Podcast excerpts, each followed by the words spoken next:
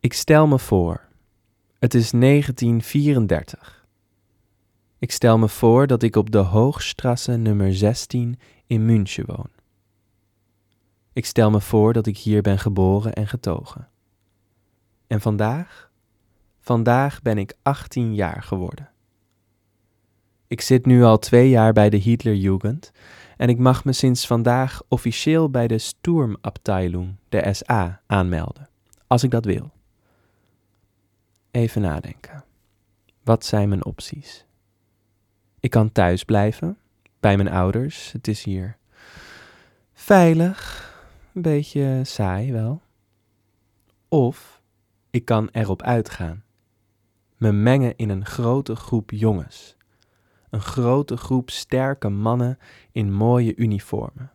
En gaan voor het kameraadschap, me in een avontuur storten. Vanuit mijn woonkamer zie ik een brigade soldaten van de SA over straat marcheren. En terwijl ik naar ze kijk, vraag ik mezelf ineens af: zitten daar eigenlijk homo's tussen? Zouden zij, die soldaten, het met elkaar doen? Of is dat echt verboden? Is dat echt strafbaar? ik kan gewoon bijna niet geloven dat iedereen daar hetero zou zijn dat er niemand tussen zit die een beetje nieuwsgierig is. Ik bedoel, als je een tijdje weg bent van het thuisfront, dan krijg je toch ook wel zin om wat uit te proberen en een beetje te experimenteren. Ze zien er ook allemaal zo verzorgd uit. Hoe dat uniform zit, dat haar strak naar achter, die opgepoetste laarzen. Ze hebben allemaal wel echt even voor de spiegel gestaan hoor, dat zie je wel. Ja, ik zie mezelf daar eigenlijk wel tussen staan. En trouwens, Ernst Reum, de SA-vurer, is openlijk homoseksueel, dat weet iedereen. Er verscheen vandaag nog een cartoon van hem in de krant, in de Münchener Post, waarin hij zijn keuring van zijn bataljon doet. In de cartoon loopt hij langs een rij soldaten, maar de soldaten staan met de rug naar hem toe en met hun broek op hun enkels. En Reum controleert al die kontjes één voor één zorgvuldig. Dat staat gewoon in de krant, hè? Als Reum homo is, dan zitten er sowieso toch meer homo's bij de SA. En dan kan ik daar misschien ook wel openlijk zijn wie ik ben en een beetje experimenteren, toch? Ja, ik sluit me aan bij de SA. What is so remarkable about uh, Nazism is that on the one side uh, it tried to promote the family and support the family, but you could say on the other side it destroyed the family because it took uh, men and boys out of the family into their all male organizations. So what you see that next to the family, they also glorify male bonding. They glorify male comradeship. They say that strong emotional bonds between men, like in Greece, like Greek warriors, was also these friendships. For the Nazis, these uh, friendships were very important to promote the cohesion of their militaristic organizations. Now, this glorification of friendship within the Nazi movement raised some serious problems for the Nazis themselves, because close friendships uh, between men, like they advocated, could also be associated with homosexuality and was associated with homosexuality in the beginning of the 20th century a lot of times. In the beginning of the 30s, you had this famous scandal about Ernst Röhm, who was the leader of the SA, which until then was the most important and the most powerful group in the Nazi movement, in fact. He was killed on the order of Hitler and Himmler also uh, for political reasons because there were several factions in the Nazi movement. But it was very easy also for Hitler and Himmler because Ernst Röhm was a well known homosexual. And within the SA, a lot of leaders were homosexuals also. So they could uh, put the blame on the homosexuality of Rome and put away the political reasons. So while before the killing of Rome, the Nazis didn't take uh, severe measures against homosexuals. After that, the real persecution began, in fact. Ja, Lars, dit is ook een fragment uit jouw voorstelling. Mhm, Ehm, ja. ja, we hebben dan net geluisterd naar hoe jij eh, een, een jonge jongen vertolkt in München. Eh, en dan volgt dit fragment van Harry Oosterhuis, ja, een, ja, een, een historicus, ja, klopt. ehm, die ehm, ook specifiek over dit. Dit is een stukje waar jouw vo- voorstelling ook over, ook over gaat. Hè? Dit is natuurlijk Zeker. Een, een, een- net even wat een andere insteek. Ja, over ja, het beeld dat over homoseksualiteit bestaat eh, over of binnen de naties. ja, ja, ik vind dit waanzinnig interessant. Ja. Zo, dat, dat, dat, dat die structuur van hoe zij eigenlijk male bonding hebben ge, ge, als bijna als een tool hebben ingezet van dit is belangrijk om ons leger sterk te maken. Ja. Maar dat er dus ook maar dit hoeft te gebeuren, waardoor ze het kunnen omkantelen en kunnen zeggen: het zijn homoseksuelen en we gaan ze eh, uitmoorden, zeg maar, bij wijze van spreken. Ja, maar is het een beeld waar zij bang voor zijn? Dat, dat, eh, het, dat het verkeerde ideeën naar de buitenwereld zou kunnen. eh, Eh, nou, in Geven. eerste instantie niet. Dat vind ik. ja, Of dat idee krijg ik, dat het juist eerst heel erg wordt van... nee, alle mannen, kom, kom hier, want we hebben jullie nodig. Ja. En we willen ook dat er een Männerboend, zo heet mijn voorstelling ook... Ja. dat er een Männerboend wo- wordt, wordt gesmeden. mhm. En dan ineens wordt dat dus een probleem voor, voor ze. En ja, they blame it, zoals Harry Oosterhuis zegt. They can put the, the blame on the homosexuality ineens. Eh, maar het is dus ook heel logisch dat door te zeggen van die male bonding is belangrijk, dat je dus ook ehm, een ja, bepaalde mannen aantrekt die homoseksueel zijn. Omdat ik kan me herinneren, voor mijn onderzoek zat ik met Anna Thijsseling in een koffietentje in Rotterdam.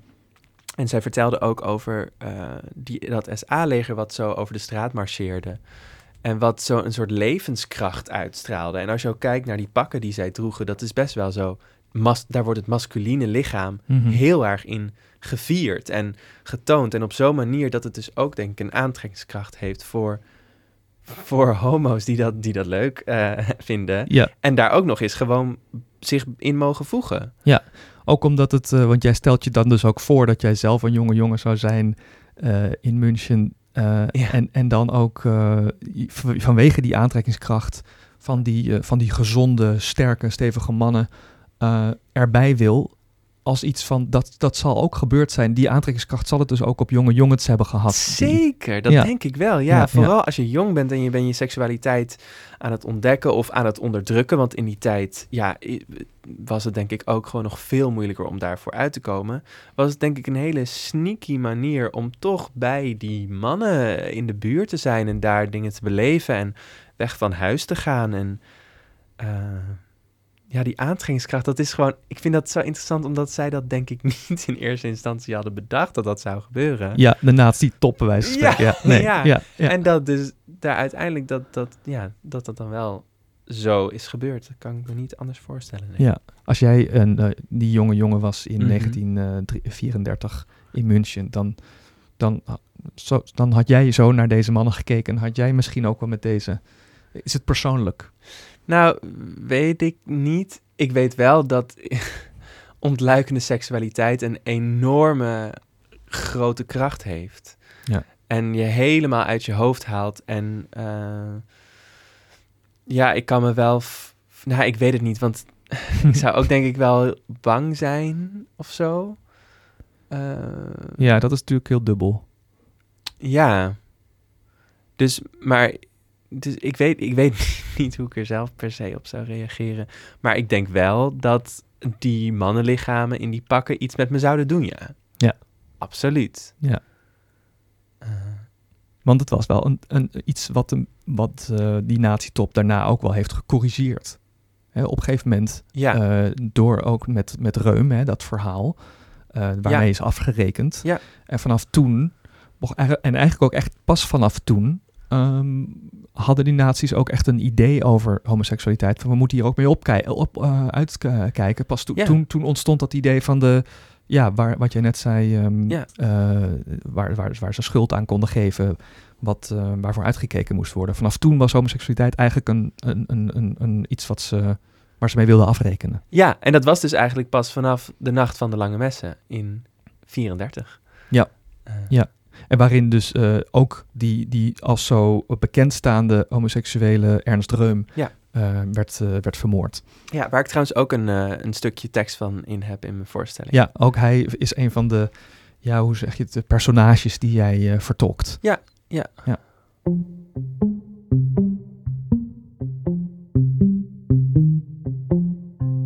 In deze tweede aflevering kijken we naar de vervolging van homoseksuele mannen en vrouwen tijdens de Tweede Wereldoorlog. In Duitsland werd paragraaf 175 aangescherpt na de Nacht van de Lange Messen in 1934, waardoor zowat alles wat met homoseksualiteit te maken had werd verboden en vervolgd, inclusief verenigingen, tijdschriften en ontmoetingsplekken. Overigens kwam de homofobie in die tijd zowel uit de rechter als de linkerhoek, want ook in deze tijd wezen de communisten naar die nazistische verheerlijking van het mannenlichaam. Ook zij typeerden dat als homoseksuele neigingen. Maar als we het hebben over de Nederlandse oorlogsjaren en de feitelijke vervolging van homoseksuele mannen en vrouwen. Er is onderzoek naar gedaan, gebruikmakend van de schaarse bronnen die bewaard zijn gebleven, door Martien Sleutjes en Judith Schuif, de gasten van deze podcast, maar ook door onderzoekers zoals Jan Rogier, Pieter Koenders, Theo van der Meer, Anna Thijsseling, Harry Oosterhuis, Rob Tielman, om er maar een aantal op te noemen en op wier kennis we nu bouwen. Wat weten we dan over de vervolgingen in Nederland op basis van de Nederlandse of de hier geldende Duitse wetgeving? Ik vroeg het aan Judith.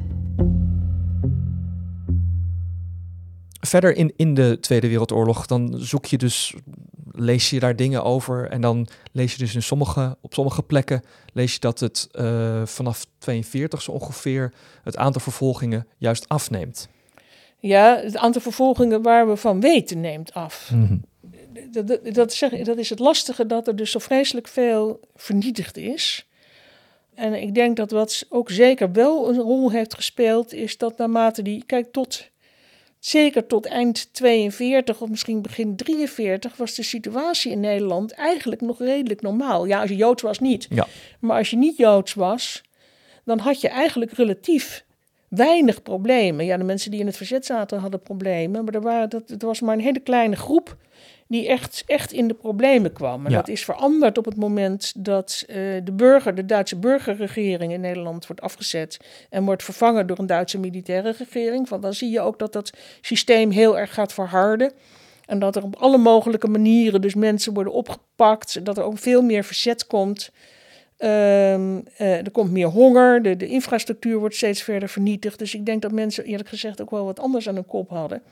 De bevolking zelf natuurlijk ook. En we weten wel van een aantal homoseksuele verzetsters, zo'n Tom, Tom Rot en zo'n aantal homoseksuele verzetstrijders, Ja. die dus wisten hoe homoseksuelen in Duitsland vervolgd werden. Die dus ook bewust hebben gezegd, ik ben op het moment dat ik in het verzet kwam, ben ik opgehouden met homoseksuele contacten te hebben, omdat ik dat risico niet extra wilde lopen. Ja.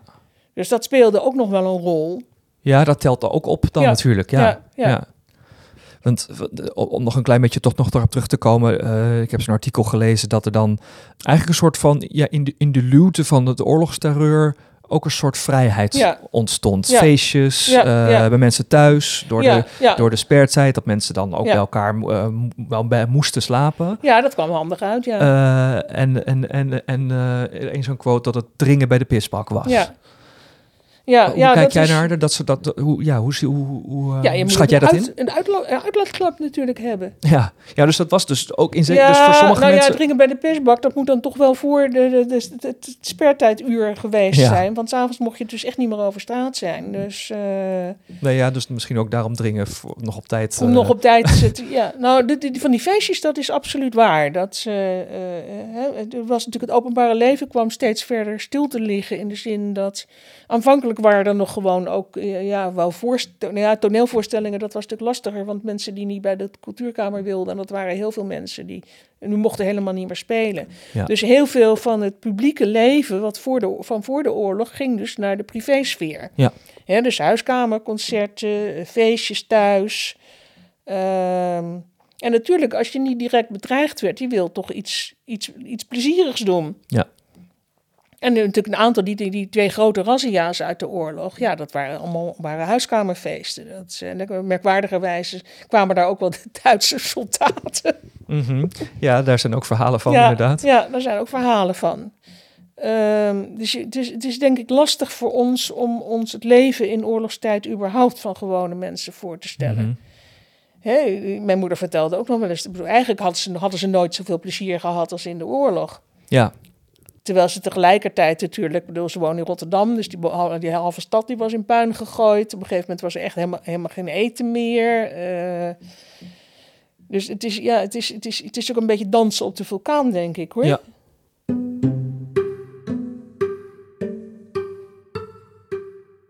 Maar wat kunnen we dan nu nog wel zeggen over de mate van vervolging tijdens de Tweede Wereldoorlog?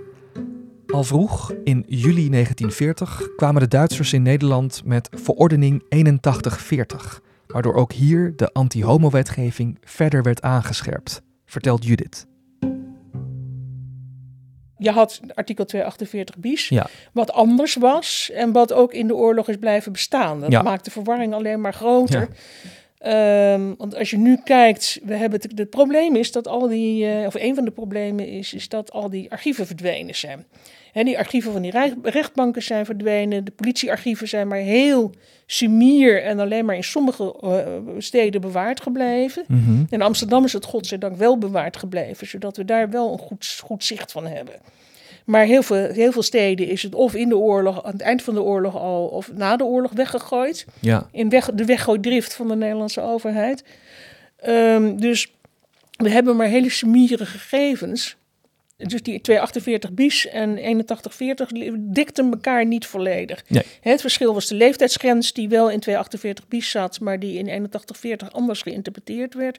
En 248 bis schoot ook voor vrouwen en 8140 niet. Maar, dus waren wel, maar dat is het hoofdverschil. Ja. Um, en als je kijkt naar wat we nu nog weten van uh, vonnissen en veroordelingen op basis van 8140, is dat dat meestal over meer, minderjarigen gaat. Dat is wel, dat is wel interessant.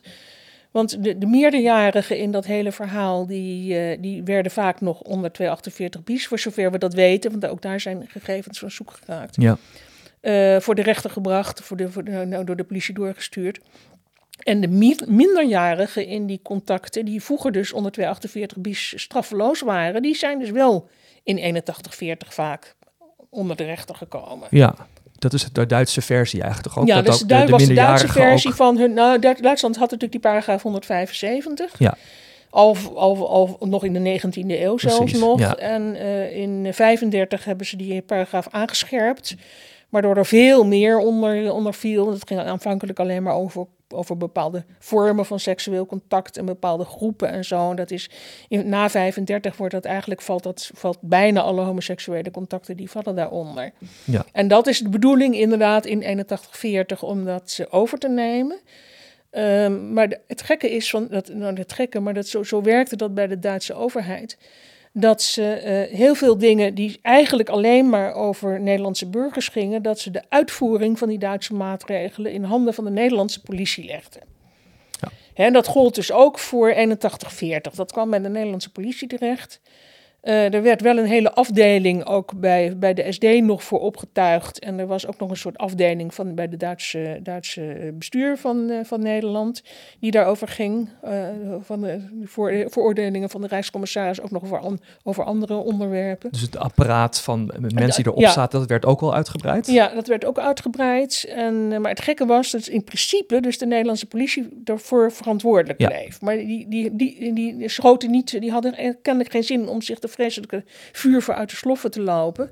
Ja, of ze Dus- waren te druk. Of, eh, ja, dat, nou ja dat, daar, kan, daar kan je eindeloos over discussiëren Hmm. waarom Hmm. ze dat nou precies niet, niet gedaan hebben. ja. Hè, je kan ook zeggen ze waren te druk met de jodenvervolging, want daar kregen ze wel geld voor. Als, als ik het, eh, ja, of stond hoger op het lijstje of het op stond hoger op het lijstje op een of andere manier. Ik denk niet dat ze zo homovriendelijk waren dat ze het daarom niet gedaan hebben. Ja, Toen er kwam dus iedere keer wel een aansporing vanuit het Duitse eh, bestuur dat er toch iets aan moest gebeuren. En een van de dingen die op een gegeven moment kwam, ik denk dat het februari, februari 41 of zo geweest is, is dat ze dus uh, aan alle gemeentes een, een, brief hebben gestuurd dat die gemeentes de uh, namen moesten opgeven van mensen uit hun gemeente die homoseksueel waren. Ja. En op welke schaal dat gebeurd is, weten we niet, want dat is allemaal verdwenen na de oorlog. Ja. Maar heel toevallig is er pas is er, zijn er gegevens opgedoken van de gemeente Gorkum en er zijn gegevens opgedoken uit Bloemendaal. Dus ja, gebieden die, waar, die we eigenlijk nooit in, de, in het zicht hadden gehad, waarin dus blijkt dat er inderdaad uh, uh, in Gorkum geloof ik vier namen zijn doorgegeven en in Bloemendaal drie. Dus dat, nou, nou, en dan keken ze natuurlijk in de, bij de arrestaties. Ja. dit ging over, over mannen die bij pisbakken gearresteerd waren. Die ze dan zo uit het systeem konden lichten en, uh, en door konden geven. En met die mannen is het ook, voor zover we weten, ook uh, meestal niet goed afgelopen. Hè, dus een aantal van die namen hebben we nog wel kunnen, kunnen nazoeken. En die, uh, die zijn of in de gevangenis beland, of die zijn omgekomen in, is er een ook die in een concentratiekamp is omgekomen. Dus, dus, dus daar is wel ook, dus ook wat mee gedaan. Ja, ja, daar is, daar is wel degelijk wat mee, uh, mee gedaan. Maar dat was dus allemaal doorgegeven door de Nederlandse uh, overheid. En Ja. dat gold dus ook, ja, dat zeg ik voor al die overtreders van uh, artikel van verordening 81, die dus ook door de Nederlandse politie werden, werden opgepakt. Ja, dat is dan bekend van een aantal gemeentes, kleine gemeentes dat je zegt. Maar je kunt er dus vanuit gaan dat er dus andere lijsten die we nu niet meer hebben, toen ook zijn verstuurd. Ja, ja, ja. En opgemaakt. En, eh, en dus ook waar dus ook wat mee gedaan zal zijn. Ja. In, Ja. in- dus Ja, gemeente, gemeente Amsterdam had dus hele uitgebreide lijsten, Ja. omdat er ook toen al heel veel homo's in, in Amsterdam woonden. En ik geloof dat, dat, dat het stadsarchief nog steeds bezig om, eh, is om uit te zoeken, op één op één niveau eh, bezig is uit te zoeken wat er nou met al die mensen die op die lijsten stonden precies gebeurd is. Ja, Maar dat waren er heel veel, het waren er ook wel iets van 5000, dus dat is niet, niet zo snel afgerond. ja. Ja, maar dat dus je, je moet het met een paar van dit soort eh, brokjes informatie Ja. doen. Ja, Eh, maar waaruit blijkt dat er wel degelijk dat er wel dus echt degelijk, iets eh, gebeurde. ja, ja, dat er wel degelijk echt iets gebeurde. En ik heb eens even een opmerking ook uit het proefschrift van Pieter Koenders verder uitgezocht. Dat, eh, ehm, dat er natuurlijk ook homoseksuele joden waren die bij de politie geregistreerd stonden, omdat ze bij pisbakken waren gearresteerd. Of in ieder geval in, in een homoseksueel delict waren gearresteerd voor de oorlog. Mhm. En eh, die zijn inderdaad op een gegeven moment eh, opgeroepen op het bureau in Amsterdam. En eh, er was weer een andere Duitse verordening. Die zei dat mensen die waren opgepakt op grond van een verordening van de, Rijks, van de Rijkscommissaris, dat die dus eh, onverwijld naar de SD moesten worden doorgestuurd. Joden. Ja, dus die werden nog Eh, eerder dus die zijn eigenlijk... meteen eh, die zijn opgeroepen, die zijn naar het bureau gegaan, die zijn linea recta naar de SD doorgestuurd en die zijn allemaal in eh, Auschwitz of in uh, Sobibor omgekomen. En ik dacht van ja, dit zijn dus mensen die echt, ze, wa- ze waren, hadden het anders waarschijnlijk ook niet overleefd, maar ze hebben het nu duidelijk niet overleefd omdat ze opgeroepen zijn omdat ze homoseksueel waren en, eh, en doorgestuurd en vermoord zijn. ja, zijn ze dus eigenlijk eerder ook opgeroepen. Eerder, ja. Ja, Ja. precies. Ja. Ehm, ik wil het nog met, je- nog met je hebben over eh, homoseksuele mannen en vrouwen eh, in het verzet. Ja, Want er zijn toch best een aantal, ja, ja. ja, nu dan voor sommigen, als je het zou, zou willen, als je het zou willen opzoeken, bekende namen. Ja. Ehm, Willem Arondeus, Ja. Friede Belefante, eh Ru Paré, ik heb een heel lijstje, Jacobe Ja. van Tongeren, Ja. eh van der Molen, ja, ja. eh, de mannen achter levensrecht. Ja. Hoe, die verhalen zijn natuurlijk later, denk ik. Ja, eh, het was... eh, Nou, van, van ja. Arendees was in, in, in de verzetskringen was van Arendees bekend dat hij homoseksueel was. ja, Daar is later natuurlijk ook een hele mythe om ontstaan. Dat is dat beroemde verhaal dat eh uh, Arendees de avond voor zijn executie tegen Lau Mazir- Mazirel gezegd zou hebben. Hè, vertel de mensen na ons dat homoseksuelen niet laf hoeven te zijn. Ik denk dat Theo van der Meer te- terecht heeft gezegd dat het maar helemaal de vraag is of dat verhaal waar is. hm, Ja, want Lau Mazirel was de, was, die heeft de oorlog wel overleefd. Die was gemengd gehuwd. Was Joods, maar gemengd gehuwd. En eh, was advocaat en was na de oorlog de advocaat ook van het COC. En heeft heel veel mannen voor het 48 bis verdedigd. Ehm, en, maar ze is pas heel ver in de jaren 50 ooit met dat verhaal boven water gekomen. Dat hij dat gezegd zou hebben. Dus het is... ehm, dat, dat is een beetje onduidelijk of dat nou klopt of niet. Er is Ja. pas een nieuwe, ik las heel toevallig in april was er een nieuwe getuigenis opgedoken van de zoon van een van die andere verdachten van die aanslag op het bevolkingsregister. Eh, die, die man is uiteindelijk heeft het overleefd, dus die heeft, had dat verhaal aan zijn zoon verteld. Dat ze eh, wel die laatste avond, dat ze met z'n allen bij elkaar hebben gezeten.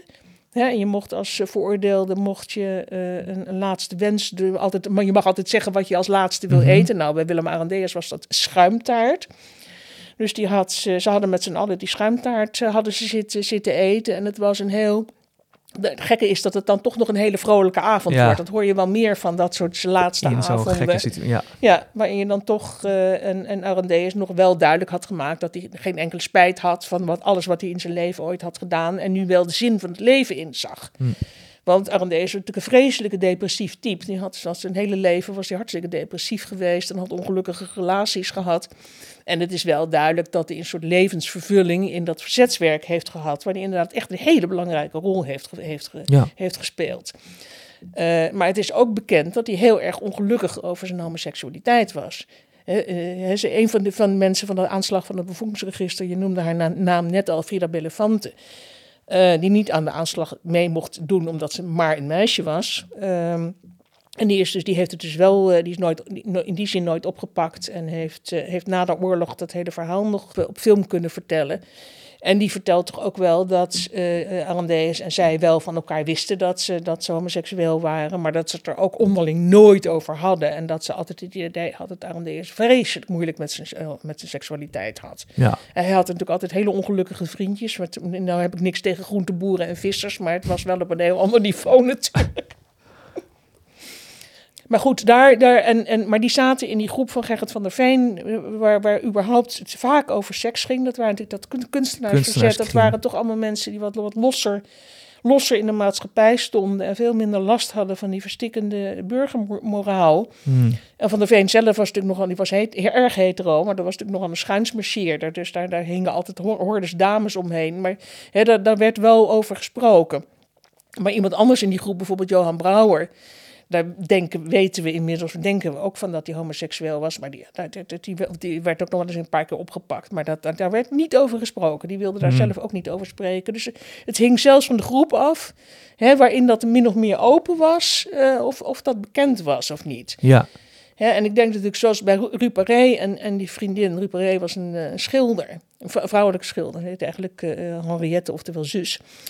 Uh, en zij had een levenslange relatie met een operazangeres, Do, uh, Do Versteeg. Um, en daar werd, ook, daar werd zelfs in de familie, ook na de oorlog, niet over gesproken wat voor soort relaties ze nou uh, hadden. Ik heb, ik heb haar neef geïnterviewd later. Die nou, god beter, het zelf homoseksueel was. En die zei, nee, nee, ze waren helemaal, hadden ze geen relatie met elkaar, want ze hadden gescheiden serviezen. Hm. Ja. Maar dan denk ik, ja, waar, waar ligt, hè, wat, wie is je significante ander? Als je je hele leven met, met iemand deelt, of je halve leven met iemand deelt, eh, eh, moet er dan iemand naast in bed liggen om te weten wat er precies gebeurt? En dat geldt Mhm. natuurlijk voor een aantal van die andere dames, geldt dat ook. Ja. Dus in die zin was het, uh, denk ik, dat er wel voor een aantal van die mensen wel vermoedens waren. Maar nogmaals, het, het, viel natuurlijk onder de deken van, daar heeft men het niet over. Ja. netjes om het daarover te hebben. Ja. En dat zeg ik zelfs, zelfs, zelfs uh, uh, Frida Belefante en ze hadden het naar elkaar toe dus niet over. Maar dat, ja, dat zei je, oh, jij bent dus ook homo. Nou, dat zou je nu wel zeggen, maar Ja. toen niet. Ja. ja, dus er was wel een soort van verstandhouding of ze wisten Ja. iets. Ja, En, ja, ehm, ja, dat is dat gewoon het, de gay radar, de, de, de gaydar, die Ja. natuurlijk in die tijd het wel degelijk ook deed. ja, precies. Ja. Eh, maar is het opvallend of zijn het dat, de- dat deze mensen in het verzet waren, Ja, zaten en dat ze Kan je dat zeggen? gedacht. Want we hebben natuurlijk op een gegeven moment ook uit die compensatiegelden van de oorlog hebben we dat boek, Klaus en ik, dat boek Het begint met nee zeggen gemaakt. En dat waren biografieën van homoseksuele verzetstrijders. En dat was in het idee de- in, in, in- dat we hadden dat er een bovengemiddeld aantal homo's in het verzet hebben gezeten. Ik denk achteraf gezien dat dat misschien niet zo was. Maar er waren wel een aantal min of meer gezi- gezichtsbepalende homo's in dat verzet. En dat was omdat ze natuurlijk allemaal in de kunst zaten. Hè, het, kunst, je moet, het verzet, als je naar het Ja. verzet kijkt. En dan is het even de vraag of je het over het vroege verzet hebt. of het verzet aan het eind van de oorlog. Aan het eind van de oorlog zat iedereen in het verzet. Zegt Maar- men, ja. Maar zeg maar, in het, in het midden van de oorlog had je dus, eh, je had communistisch verzet. Dat had eh, eh, weinig contacten met, met andere mensen, omdat de communisten zelf in een compleet du- dubbel leven en verstekt leven was het eigenlijk niet de bedoeling dat je met gewone mensen sprak. Dus die waren heel geïsoleerd. Mhm. En dat gold eigenlijk ook voor de andere grote verzetsgroepen, de gere- gereformeerden. Met name dus de protestants-christelijke, maar met name de gereformeerden. Die hebben ongelooflijk in het verzet gezeten. Ja, dat was het grote gebod. Er is later een boek over, over dat verzet uitgekomen. Daar kon je alleen maar inkomen als je dood was met een basfotootje. En dat boek heette Het Grote Gebod. En dat grote gebod was inderdaad, hè, heb je naaste lief zoals uzelf. Dus die, hadden, die, hadden, die, die baseerden zich volledig op de Bijbel. Ja. Dus heel veel van die verzetstrijders die hadden een, een christelijke, zo niet te zeggen, een zwaar christelijke achtergrond. Ja. Hè, verhoudingsgewijs hebben er veel minder katholieken in het verzet gezeten. Ehm, ook veel minder mensen, bijvoorbeeld uit zuidelijk Nederland. Hè, dus er zaten veel Groningers in het verzet, maar dat was omdat die allemaal zo stele christenen waren. Dus als je, het, waren, het, het verzet was, waren dus bepaalde specifieke groepen. Ja. En dan had je dus dat kunstenaarsverzet. En dat kunstenaarsverzet, dat, eh, eh, dat, die hadden natuurlijk het voordeel dat ze een wat vrijer leven hadden, zodat ze minder direct onder controle van de omgeving stonden. En ook niet direct bang hoefden te zijn dat ze een bron van inkomsten kwijt waren. Die waren ze toch al kwijt, want ze wilden niet in de cultuurkamer. Dus ze moesten sowieso al allerlei illegale dingen doen. Ehm, en heel veel van die kunstenaars die waren dus erg handig in het vervalsen van persoonsbewijzen. En daar is het natuurlijk aanvankelijk ook mee begonnen. Ja. En zeker die grafici die, eh, en, en de, eh, de, de, de optredende kunstenaars, die hielden vaak benefiet, soort benefietconcerten in huiskamers, waarbij ze dus geld voor de rest van het verzet eh, ophaalden. En naarmate die oorlog vo- vorderde, wa- kwamen er natuurlijk steeds meer onderduikers en die moesten allemaal eten. Dus er moest ook heel veel geld bij elkaar geharkt worden om die mensen te eten te geven. Ja, dus dat, is het, eh, dat zijn die kringen van verzet. Ja. En, en dan Ja. bij die kunstenaars, en die, wat je zegt, heeft dat dan te maken met dat die überhaupt dan een soort van vrijer eh, Ja. levensopvatting hadden. absoluut. Waarin dus dan ook homoseksualiteit Ja. dus ook vaker Ja, voorkwam. dus ook vaker voorkwam. Nou ja, en het kwam niet vaker voor, maar het was, kwam vaker tot Nou uitdrukking. ja, het vaker nee, voorkwam zou ik niet durven zeggen. Maar Nee, je hebt helemaal gelijk. Ik snap het. Ja, ja. ja. Eh, dus ja, zo, zo zie je dat dan eigenlijk ook naderhand. Ja. Als je kijkt naar die namen, ehm, Ja. die kwamen dan toch ook vooral uit, dat, uit die ja, kunstenaars. nou, de namen die we kennen kwamen niet Ja, de- allemaal ja. hoor. Ook uit de journalistiek kwamen er ook nog wel een aantal. Hmm. Het G, eh, hoe heet ze? eh, Gesine van der Molen was Ja. een journaliste. Maar zeer christelijk. Ja, Nou, dan is het na de oorlog vreselijk onder vuur komen te liggen. Omdat ze al die Joodse, Joodse onderduikkinderen niet terug naar Joodse gezinnen stuurden, maar naar christelijke gezinnen. Mm. Bedoel, en daarover van Gesine van der Molen is het wel heel, inderdaad heel duidelijk dat ze, dat ze, dat ze lesbisch was. En Dat, dat, met die, met die Mies Nolte, dat was, eh, dat was zeer evident. En dat was dus niet een soort gevoel van extra eh, eh, ehm, eh, onderdrukking of zo. Of identificatie met. Ja, dat weet je niet. nee. Dat is het lastige, want je hebt natuurlijk ook, er zijn natuurlijk wel verzetsautobiografieën geschreven. Hè? Zijn die, ja, die- Jacoba van Tongeren heeft een, een, een soort dagboek of een soort autobiografie gemaakt, wat later door haar, eh, pas on- onlangs door haar achterneef Paul van Tongeren is uitgegeven, De Denker des Vaderlands. Eh, daar is haar hele seksuele leven is daar uitgeëdit en voor zover het erin voorkomt, dat zie je bij, bij, een aantal van die anderen ook, zeker als het christelijke biografieën zijn. Mhm. Ja, dan komt er altijd een verhaal in dat ze verliefd waren op de dominee die getrouwd was. En dat ze daardoor een soort eh, trau- liefdestrauma hadden opgelopen. En dus niks meer met een man hebben gedaan. Ook een soort narratief. eh, wat dat is een heel duidelijk narratief wat bij dat soort christelijke verzetsheldinnen hoort. En dan is het Ja. dus wel altijd een vrouwelijke levenspartner. Waar die wordt een beetje, ja, ja, nee, ja, ze had wat een vriendin, dat was wel gezellig, ja. Beetje weggemoffeld. Ja, weg, weggemoffeld. Mm. Het gevoel van dansen op de vulkaan, wat Judith eerder noemde, dat gevoel heeft Lars aangegrepen voor zijn theaterstuk. Om toch te proberen een voorstelling te maken van het leven toen.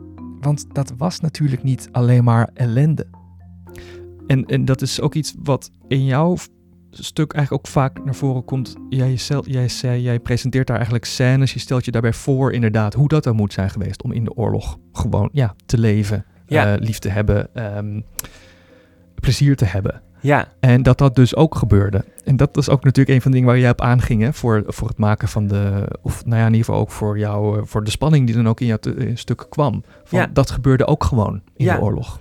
Ja, ook door, getriggerd door dus die bevinding over die daling van cijfers. Dat ik ook dacht van, ik wil eigenlijk op zoek naar verhalen waarin je echt dus het plezier ook ziet dat mensen gewoon plezier hadden toen. Ja. Of feest vieren, of vierden, of verliefd werden op elkaar, of... eh, Eh, dat soort dingen. En ehm, een van de dingen die ik toen tegenkwam was het, het bal masqué. Het Ja. gemaskerde bal. Ja. Ehm, dat werd gehouden op 6 november eh, 1943 in Den Haag. Mhm. Dat was eigenlijk een huisfeestje. Ja.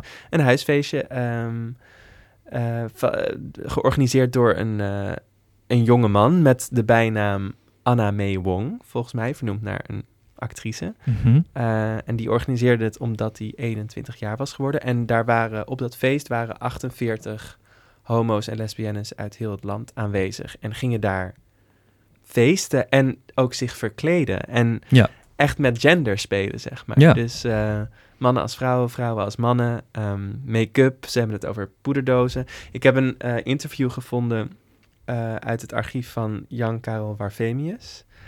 Eh, met iemand die aanwezig was op dat gemaskerde bal. Mhm. Ja. En dat was zo leuk voor mij om te lezen, omdat ik gewoon eigenlijk die afstand die ik tot de oorlog voelde, waar ik eerder over sprak, Ja. dat die ineens veel dichterbij voelde, die oorlog. Omdat ik ineens voelde, oh, maar ik ga ook naar huisfeestjes. Oh, ik speel ook met make-up, Ja. met drag. Dus ik kon me ineens een soort van voorstellen van, die oorlog is helemaal niet zo ver weg als ik altijd dacht, want zij leefde ook gewoon. eh, Ja.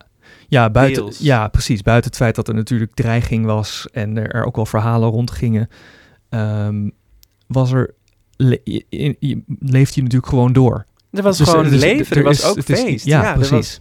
Dat is, ja. Ja, en, en dat zijn dan wel verhalen waarvan ik denk, oh, wat, wat, wat mooi om te, om te horen. En het is ook een heel grappig verhaal, die eh, man die er aanwezig was, die vertelt ook over Anna May, dat, die, dat die, ze noemt, hij noemt haar ook de tijd zij. Dat Oh vind ik ja. ook interessant. Mhm, mhm. Eh, en hij noemt haar een beetje een vreemde mie. Volgens mij is mie een soort woord voor gay of iets. Oh, ja? Een vreemde mie. Oké. Eh, en hij heeft over altijd die opgemaakte wimpers. Ja, ze was toch een beetje een vreemd hert. Eh, en hij was daar samen met zijn vriend. En hij zegt dan ook zoiets van... eh, ja, wij deden ook wel een beetje make-up op... maar niet zoals zij, helemaal in het cement. oh ja. En dan moet ik toch denken ook gewoon echt aan drag. Ja. Gewoon van nu. En dat dat ook ja, dus toen gebeurde. Ook toen al. Ja. Ehm, ja.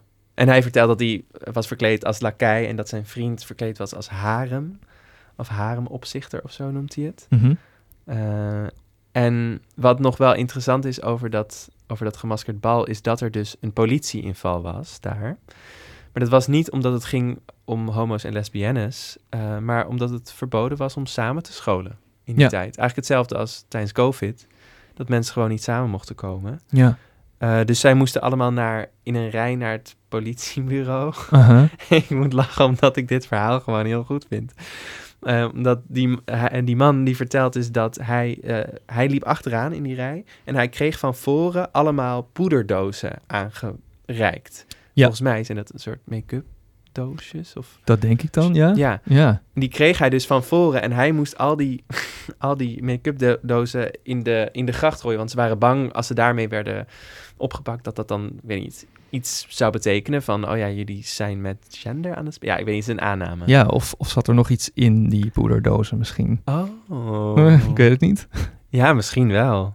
Nou, weet ik ook niet. Maar in ieder Ja. geval, hij zegt dan ook zo van... ja, ik liep achteraan in die rij. Iedereen gaf die poederdoos door. Ja. Eh, en ik moest die allemaal in het water gooien. En ik hoorde alleen maar plons, plons, plons. En later dacht ik... God, wie weet wat voor mooie poederdozen ik weggegooid heb. Mm. Ja. ja, en dat is dan, ja, dan heb je dus eventjes zo'n één in, inkijkje in één avond eh, in Den Haag Ja. van ehm, wat daar gebeurde. En eh, ja, lol, maar oké, het is niet, niet, niet, het was geen leuke einde van zo'n feest natuurlijk, maar Nee. Ehm, en zo, zo, dat moet je dan denk ik, dat denk ik bij dit soort verhalen altijd. Dit is dan overgebleven, maar Mhm. zo, zo zullen er veel meer zijn geweest. Ja. Dat, moet- dat moet gewoon. Natuurlijk, al die Ja. huisfeestjes in Ja. oorlogstijd. Het is ook wat Judith zegt van... Ja, je wil denk ik ook als je voelt... Ja. Er kan echt nu heel, echt heel iets verschrikkelijks gebeuren. Laten we het leven gaan vieren. Ja.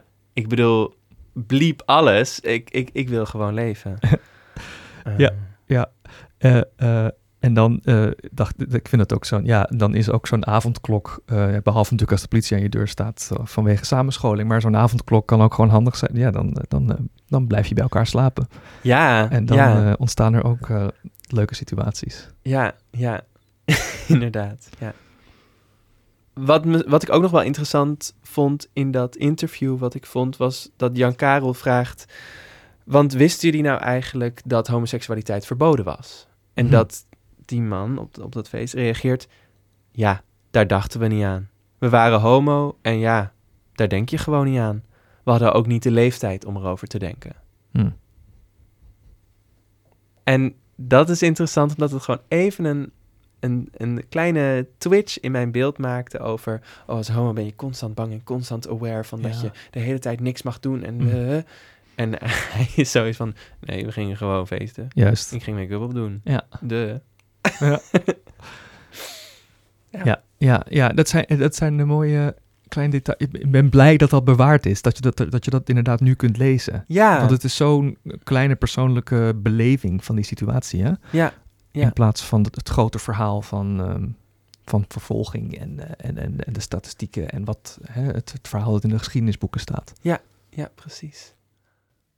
Maar het blijft dubbel, want wat Judith vertelde over de lijsten die de politie bijhield en dat de Duitsers begin 1941 alle Nederlandse gemeenten de opdracht gaf die in te leveren, ook dat wist Lars toen nog niet. Dat was er nog niet toen ik de voorstelling maakte. Dus Ja. toen je dit vertelde aan mij over die lijst, toen, toen schrok ik echt heel erg. Ja. En echt ook gewoon afschuwelijk dat er dat je werd geregistreerd op een lijst als Amsterdamse gay of als gay ergens anders. Echt, eh, ja, ik, ik, vind, eh, vind dat heel naar, heel naar om te horen. En ik schrok er ook van omdat ik eigenlijk weer een stukje nieuwe informatie kreeg over de Ja. geschiedenis. En dat ik daardoor geconfronteerd werd dat ik zelf misschien toch ook wel toch een beetje een zwart-wit beeld voor mezelf had gecreëerd. Mm. Wat- Ik bedoel, zeg maar, het beeld van... Oh ja, die homoseksuele community die had eigenlijk helemaal geen last onder het bewind van de Duitsers. En die, die konden gewoon een beetje feest vieren. Dat had ik ook een beetje, denk ik, aan mezelf verteld. Om, Ja, Om- omdat je natuurlijk eerst het idee had, denk ik, eh, van het was verschrikkelijk. Zoals Ja. heel veel mensen. ja, ja, ja, ja. En toen kreeg je die informatie van, nou, het viel eigenlijk ook al mee, er waren feestjes. En dan hou je daaraan vast. Ineens opent er een wereld. Ja. denk ik van, oh, maar het was allemaal zo. En door die lijsten nu denk ik van... Ik betrap me eigenlijk dat ik, ja. dat ik ook weer dacht van... eh, een roze beeld daarvan had geschetst. ja. Ehm, maar ja, eh, wat ik, wat ik nu weer mezelf wel aan moet herinneren, is dat het dus allebei was. Ja. Dus dat er, dat er eh, en ook feest gevierd werd. Maar dat er dus degelijk, wel degelijk die lijsten waren. En dat, ja, dat raakt me gewoon heel erg. het lijkt op een soort van nuancering van je beeld, dan komt dat dan neer. Hè? Dus dan, ja, ik denk ook, er zit een deel, ja, je houdt je vast, of het is een soort hoopvol beeld, hè, van, oh, het, er werd ook gewoon, er werd, nou trouwens, er werd feest gevierd, dat moet je nog steeds niet eh, weer Ontkennen, nee, nee. Maar er was nog steeds dreiging, zeg maar, dat, dat, dat was allebei, precies wat jij zegt. En ook, ehm, daarna sprak ik met Judith, hebben we net ook kunnen horen over, hm, ja, zou je kunnen zeggen, een opvallend aantal mensen in het verzet die homoseksueel waren. Maar ook daar zijn natuurlijk weer voorbeelden van, van mensen ja, die weer het andere, de andere kant laten zien. Ans van Dijk is bijvoorbeeld een voorbeeld van een eh, lesbische vrouw die in de oorlog collaboreerde. Dus eh, het idee dat Met de Duitsers. met de Duitsers. Het is natuurlijk best mooi om te zien dat mensen die misschien eh, op die, die, die een minderheid vormen of zich bedreigd voelen, dat die zich misschien juist gaan inzetten in een, in een dreigende situatie. Dat is een, homoseksueel in het verzet. Dat vind ik zelf altijd mooi om te bedenken. Maar ja, het slaat ook nergens op. Want ja, je had ook de andere kant. En niet iedereen in het verzet was homoseksueel. Ook daar zijn het, is het beeld gewoon heel eh, veelzijdig en genuanceerd. Ja, ik denk dat het daarin ook heel erg gaat over welke verhalen willen wij vertellen. Ja, Nu. Ja. En waar s- eh, schijnen we een spotlicht op? Ja. En welke houden we toch liever in duister? ja precies.